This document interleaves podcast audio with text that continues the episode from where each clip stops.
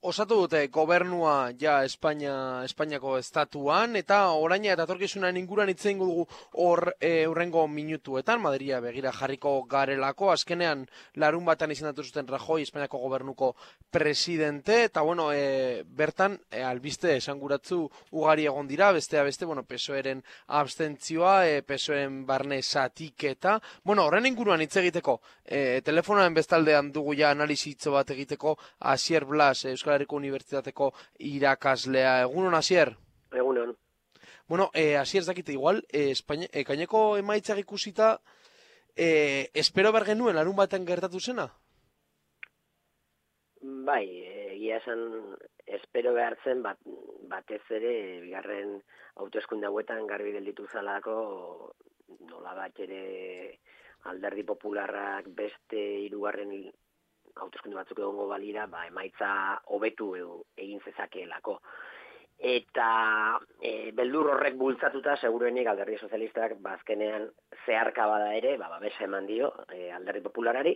Ze beste alternatiba zen aldaketarako gobernu bat osatzea ezkerreko indarren koalizio batekin eta alderdi independentisten babesarekin. Eta horretarako ez dago prest e, estatuko zenbait aparatu eta ez dago prest e, alderri sozialistako ba, zenbait sektore. Mm Ez dakite igual asierre inbeharreko behai beste galdera bat, e, bueno, emaitza ikusita e, azken lau urtetako erritmo berdina espero dugu alderri popularetik, alegia, bueno, murrizketak, neurri zorrotzak, e, impunitate oso, edo, E, bueno, ezberdina izango da horre akordioak lortzeko ziltasunak ugariak izango direlako. Lehenen gurratza aurrekontuak izango dira bestea beste. E, ikusiko dugu, egia zen, e, murrizketen kontua ez dago bagare galderri popularren eskuetan, baizik eta azken batetan hori da Estatu Espainiarrak momentu ontan daukan soberania faltaren ondorio bat, murrizketak, e, Bruselak inposatzen ditu, Europar Batasunak inposatzen ditu, eta are gehiago esan genezak. Europar Batasunak baina gehiago Merkelek eta Alemaniak erabakitzen mhm. ditu e, murrizketa horiek. Kontua da murrizketa horiek agindu egingo dizkiotela bai alderri popularari eta Espainiako gobernuari, baina gauzatzea ez dela izango oso erraza. E, batez ere e, aurrekontuei dagokionean. Zegia da Espainiako e, sistema berak, lehen etxe egiten duela gobernuaren papera eta gobernuak autonomia handia dauka gobernatzeko garaian, baina kontu batean bakarrik benetan e, parlamentuaren babesa behar du eta hori da aurrekontuetarako. Eta hain zuzen ere, ba, murrizketak egin behar baldin badira, aurrekontua aldatu egin behar da. Eta horretarako gehiengoak lortzea zaila izango du alderdi popularrak ze murrizketak babestuko balitu abstentzioaren bidez alderdi sozialistak egun daukan krisia sakondu egingo litzateke. Ez dakit, asierre fokoa bebai e, jarrita egonda egunotan, e, bueno, batez ere, bueno, Espainiako gobernuan, gobernua bai, gobernua ez, baina foko nagusia edo, bai, bueno, nagusia esango nuke bai, alderri sozialistan jarrita egonda, azkenan, jakin izan dugu, abstenitu e, egin direla, bueno, ez guztia, baina gehiengo abstenitu egin dela, berreskuratuko da alderri sozialista? Bueno, ikusteko dago nola garatzen da legegintzaldi berri hau. Horren arabera, mm, alderri sozialista berriro ere sendo agertuko da, edo ahuldu joango da horren gautezkundetara. E, gain, mai gainean dauzkagun datuekin, printzipioz e, nik uste alderri sozialista saiatuko da nada modu batera edo bestera e, oraingo legegintzaldia luzatzen, laguntzen, luzatzen, mhm. eta alik eta gehien atzeratzen urrengo hauteskundeak, ba, etxeko lanak behar bezala egiteko, hau da, alderdia trinkotu eta diskurso berri bat eratzeko ez daukalan erreza, dudari gabe, baina bestalde egia da alderri sozialista erakunde oso sendoa dala, e, ibilbide luzea dauka, indartsua da, eta zaila izango da, ba, askotan aipatzen den pasokizazio hori gauzatzea behintzat egin zaldi honetan. Pasokizazioa diogunean da, ba, alderdi sozialistari grezen gertatu zitzaiona, ez da? Bai, ia, ia, ia, desagartu egin zala parlamentutik, eh, oso diputatu gutxirekin jarretzen du parlamentuan, Eta hori zaila izango da batez ere, bosa, bi konturen gatik, alde batetik daukar sendotasunagatik, eta bestea da ere bai, ba, estatuko aparatuek hasi duten, aspaldi hasi dute hori, eh? baina e, momentu enten azkartuko duten kampainagatik, e, ba, Unidos Podemos, elkarrekin Podemosen aurka egiteko. Ez dakit, horbe bai, esanguratzua bai, e, alderri sozialista ipatzen duguna eta burura tortzen zaigu beste beste edabideak, hasi erre, edabidek jokatu duten eta jokatzen ari diren, unotan jokatzen ari diren papera.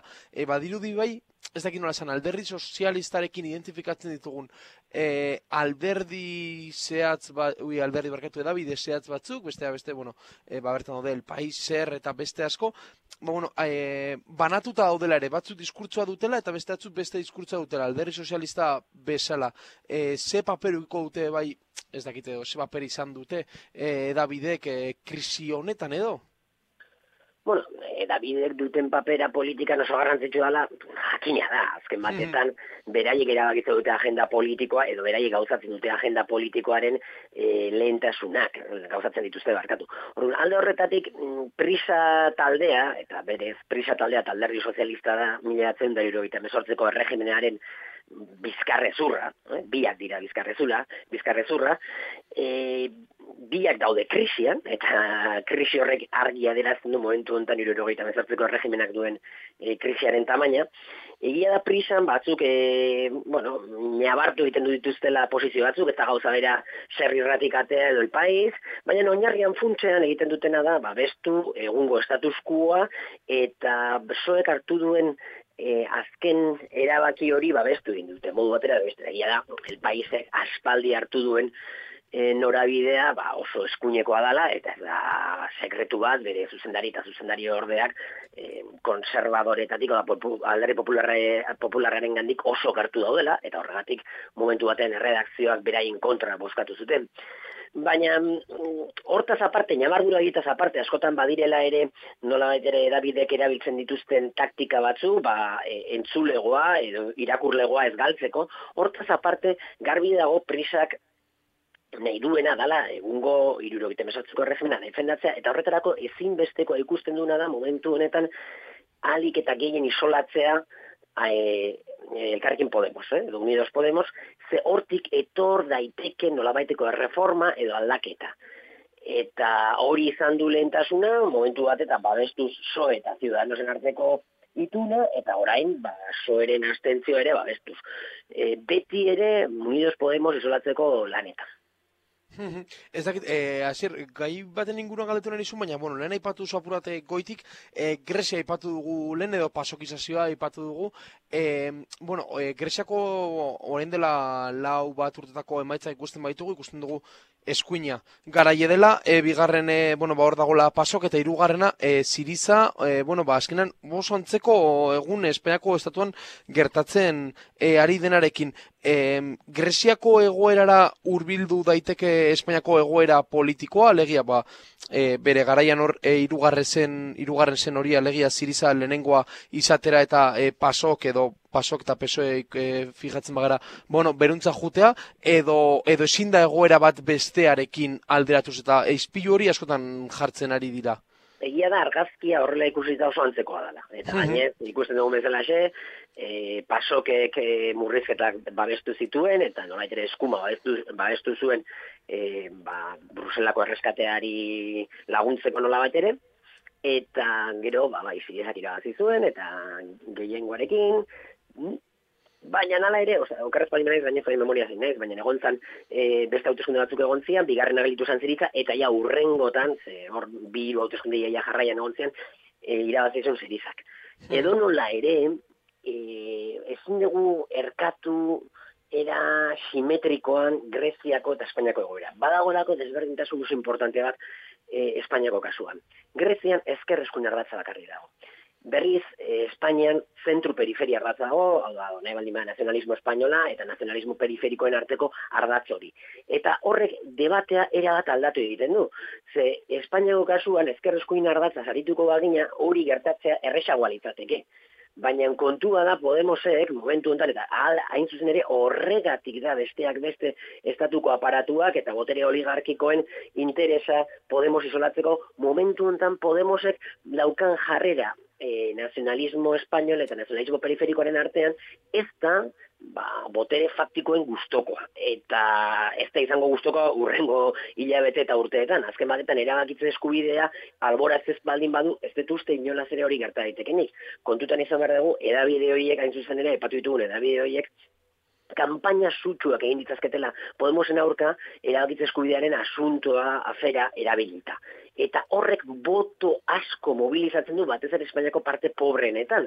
Hau, Andaluzia dala, Estremadura dala, Gaztela La Mancha dala, eta beste zenbait e, eskualde eta erregio ere bai. Orduan, alde horretatik mm, parekagarriak dira, bai, baina ez dira kasu simetrikoak. E, azierre, bukatzeko, e, ze espero da, e, zer, bueno, ez dakit, e, zein, zein izan beharko da, edo zein izango da e, papera Euskal, Euskal Alderdiena edo koalizioena, alegia, eatzildu eta eaiotarena, zein izango da duren papera, ba, lau urtagoetan edo lege, lege aldi honek irauten duen denbora horretan, edo ez dakit ze espero bueno, egun. EH Bilduren papera, papera bos, ez da izango oso garrantzitsua egia, oso testimoniala izango da, simbolikoa, berriz Eusko Alderri Jaltzalaren papera oso garrantzitsua izango da, eta hor Eusko Alderri, Alderri Jaltzalak erabaki beharko du. Zegia da, momentu enten Alderri Populara jaso duen babesarekin, Alderri Populara Ciudadanos Koalizion Kanaria, eundea irurogeita mar diputatu dira, gehien gozoa, Estatu Espainiarreko Parlamentuan eunde, e, kongresua markatu, e, eunde irurogeita masei e, diputatu dira, hau da, e, Euskal Herri bost dauzka, eunde irurogeita ma bost, ez dira nahiko bostoiek batuta aurrekontu batzuk e, aurrera ateratzeko. Hori da, ez dira nahikoak aurrekontu bat aurrera ateratzeko, eta hori da pixka bat Euskal Derri Jeltzaleak negoziatzerako garaian, badaukan aulezietako, bat zei, diputatu izango balitu dudari gabe, be, papera izan dezateke, erabat erabaki horra. Eta alde horretatik negoziatzerako gaitasun handia izango luke. Baina e, hori egia da, adibidez aurrekontuak aprobatzeko garaian, baina e, oposizioko edozein ekimen blokeatzeko Euskal Herri Jaltzalearen bost diputatu horiek erabaki horrek dira. Demagun, mhm. ezkerreko alderdiek eta abertzalek e, erabakitzen dutela mm, lan erreforma aldatzea, eta lan erreforma berri bat egitea. E, hori, lortu alizateko egun da gehieta masei diputatu berrituzte. Eta Euskal Herri Jaltzalearen bost diputatu horiek egiten dutena da, hain zuzen ere, egun da gehieta ma bost, egun da bost utzi emaitzan, bostoiek babestuko balute ezetza eta alderri popularraren posizioa, eta alde horretatik bada e, bosto, e, diputatu horiek jolasten dute blokeorako. Blokeorako gaitasuna badute. Alde batean, zein bestean, hau da. E, o, e, alderri popularraren e, alde, edo alderri popularraren kontra.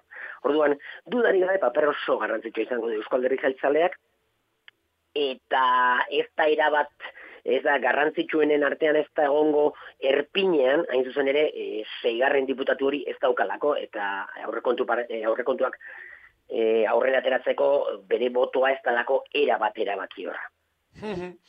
Bortze, zen egon marko gara, eta ea, ea zer gertatzen den, gaur, gaur ja, eakingo ditugulako, bueno, mugimendu gehiago, ja, Espainiako gobernuaren partetik e, azier blas, e, atzeuko irakaslea, mi esker gaur gura negotagatik, eta analizitxukuna gurekin elgarban atzagatik zuei, egunon. Agur. Agur.